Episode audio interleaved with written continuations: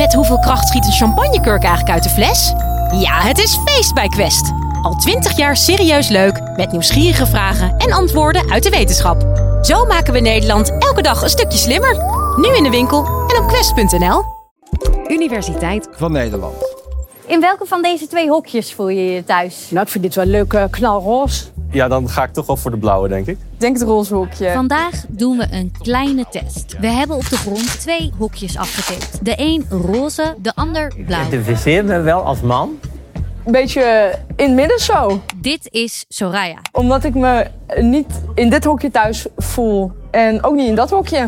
Soraya maakt in het dagelijks leven kookvideo's op TikTok. Zout, peper, in de pan, prei, dunne kwart. En voelt zich niet thuis in het hokje man en ook niet in het hokje vrouw. Er is ooit een keer één filmpje heel erg viraal gegaan van een, een, kort interviewtje op straat. En daar vraagt de interviewer aan een man: uh, wat ben je als je niet helemaal een man of vrouw voelt? En dan zegt die man in the war. En dat filmpje is zo viraal gegaan dat iedereen altijd alleen maar tegen me zegt dat ik in de war ben. En dat is wel een beetje vermoeiend, ja. Een kleine greep uit de reacties die Soraya krijgt op TikTok. Je bent de weg kwijt. Blijft apart. Daar word je toch moe van? Aflevering 6 van Gebrainwashed mensen over de vloer. Mooi gesproken, knul.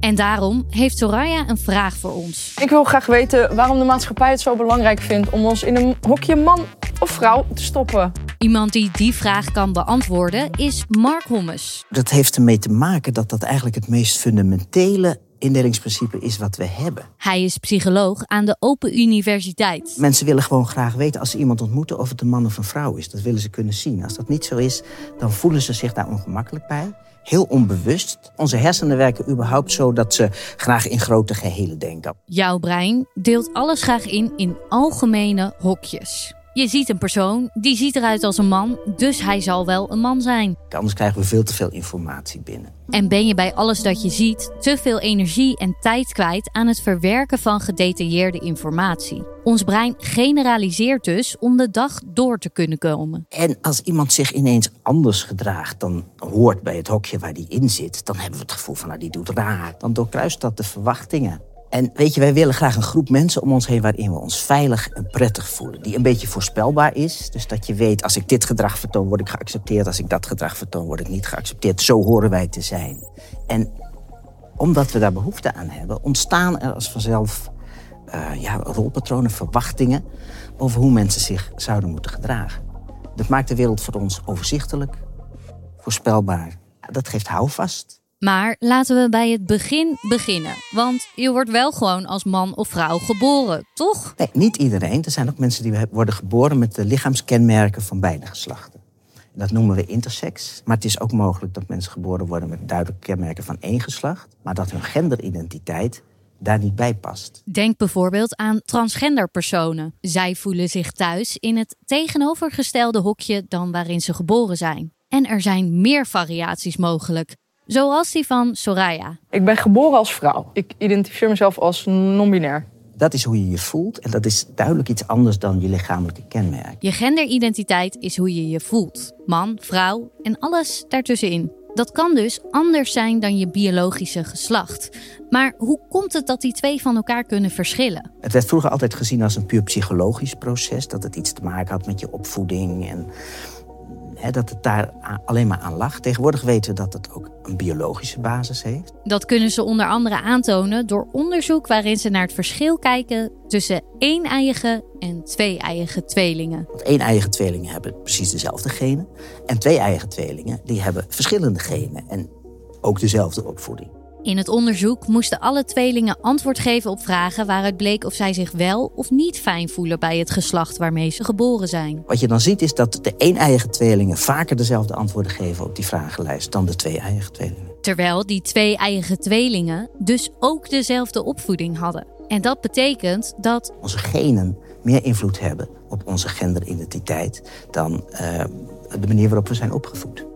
En er is nog een aanwijzing voor die biologische basis. In de hersenen. Als je nou kijkt naar de hersenen van mannen en vrouwen, dan komen die voor het grootste deel overeen. Maar er zijn ook op bepaalde aspecten zitten de verschillen. Die verschillen zitten onder andere in de structuur van je hersenen. Bijvoorbeeld. De hoeveelheid witte hersenstof. Deze witte stof hebben we allemaal. Maar de hoeveelheid verschilt tussen man en vrouw. Daarnaast reageren de hersenen van vrouwen en mannen verschillend op bepaalde prikkels. Denk aan het kijken van erotische video's of het ruiken van bepaalde geuren. Stel je hebt een man en die voelt zich vrouw, dan uh, is de kans groot dat als je naar diens hersenen kijkt, op het punt van juist waar die verschillen zitten, dan zien we dat die vaak dichter liggen bij hun gevoelde genderidentiteit dan bij het soort hersenen van hun geboortegeslacht. En dat wijst erop dat het brein mogelijk vrouwelijke kenmerken kan hebben, terwijl het lijf mannelijke kenmerken heeft. Of omgekeerd, of alles daartussenin.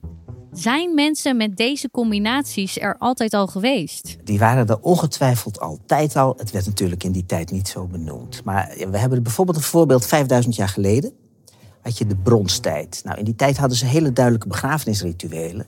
De man die werd op de ene zij begraven met allerlei wapens om hem heen. En de vrouw op de andere zij met alle keukengerei om haar heen. Nou, in 2011 werd er een graf gevonden. Daar lag iemand in, dat leek duidelijk een vrouw. Met potten en pannen en, en uh, de manier van begraven.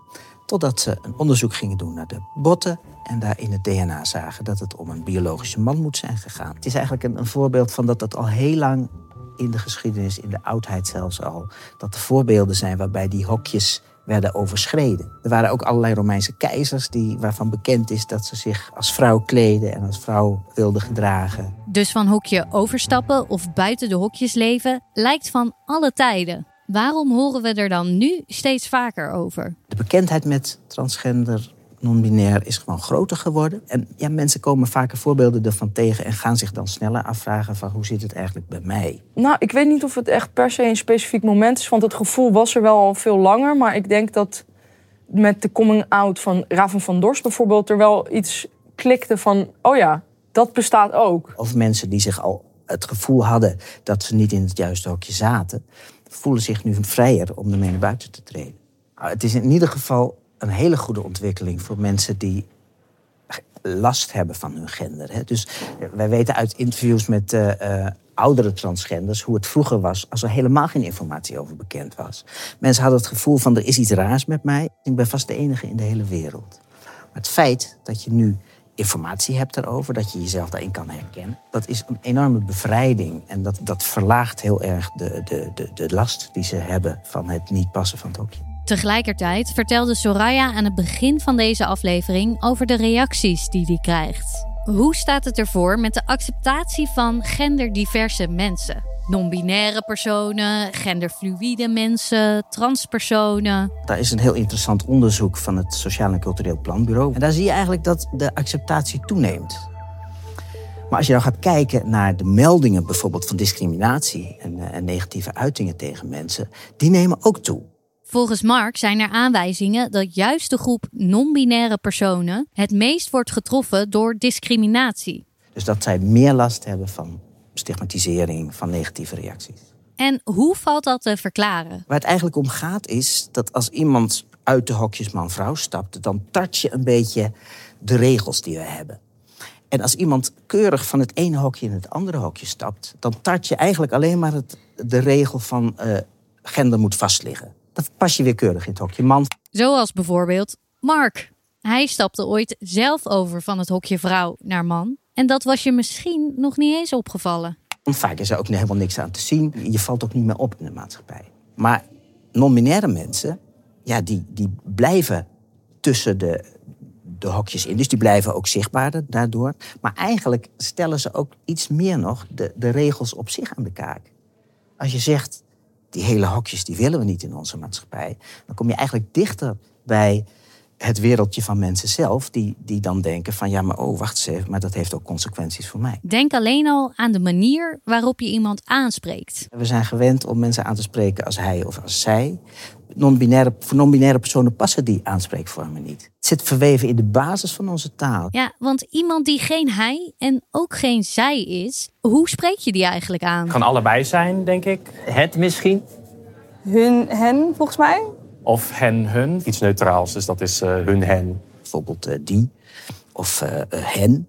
Als die basis door ontwikkelingen in de maatschappij verandert, dan raakt dat ook aan jouw basis. Dus op het moment dat mensen het gevoel hebben van hé, hey, de regels waar ik mij altijd comfortabel bij voelde, daar mag ik niet meer achter staan, dan krijg je vaak dat er extra weerstand komt. En ja, die tegenreactie, ik denk dat je je moet realiseren dat die heel normaal is. Weet je, het gaat om, eigenlijk zijn we met z'n allen bezig in een tamelijk fundamentele verschuiving in onze maatschappij. En bij een verschuiving in de maatschappij, dat betreft iedereen. Dat gaat iedereen aan. En daarin is het ook logisch dat mensen die zich wel comfortabel altijd hebben gevoeld in de, in de rolpatronen die er waren, dat die daar aan moeten wennen. Dat die daar ook het gevoel bij hebben van, goh, maar dit is eigenlijk niet wat ik wil. Een aantal jaar geleden kondigde de NS, Nederlandse Spoorwegen, kondigde aan van wij gaan de, de mededelingen die wij doen, gaan wij anders beginnen. Dames en heren.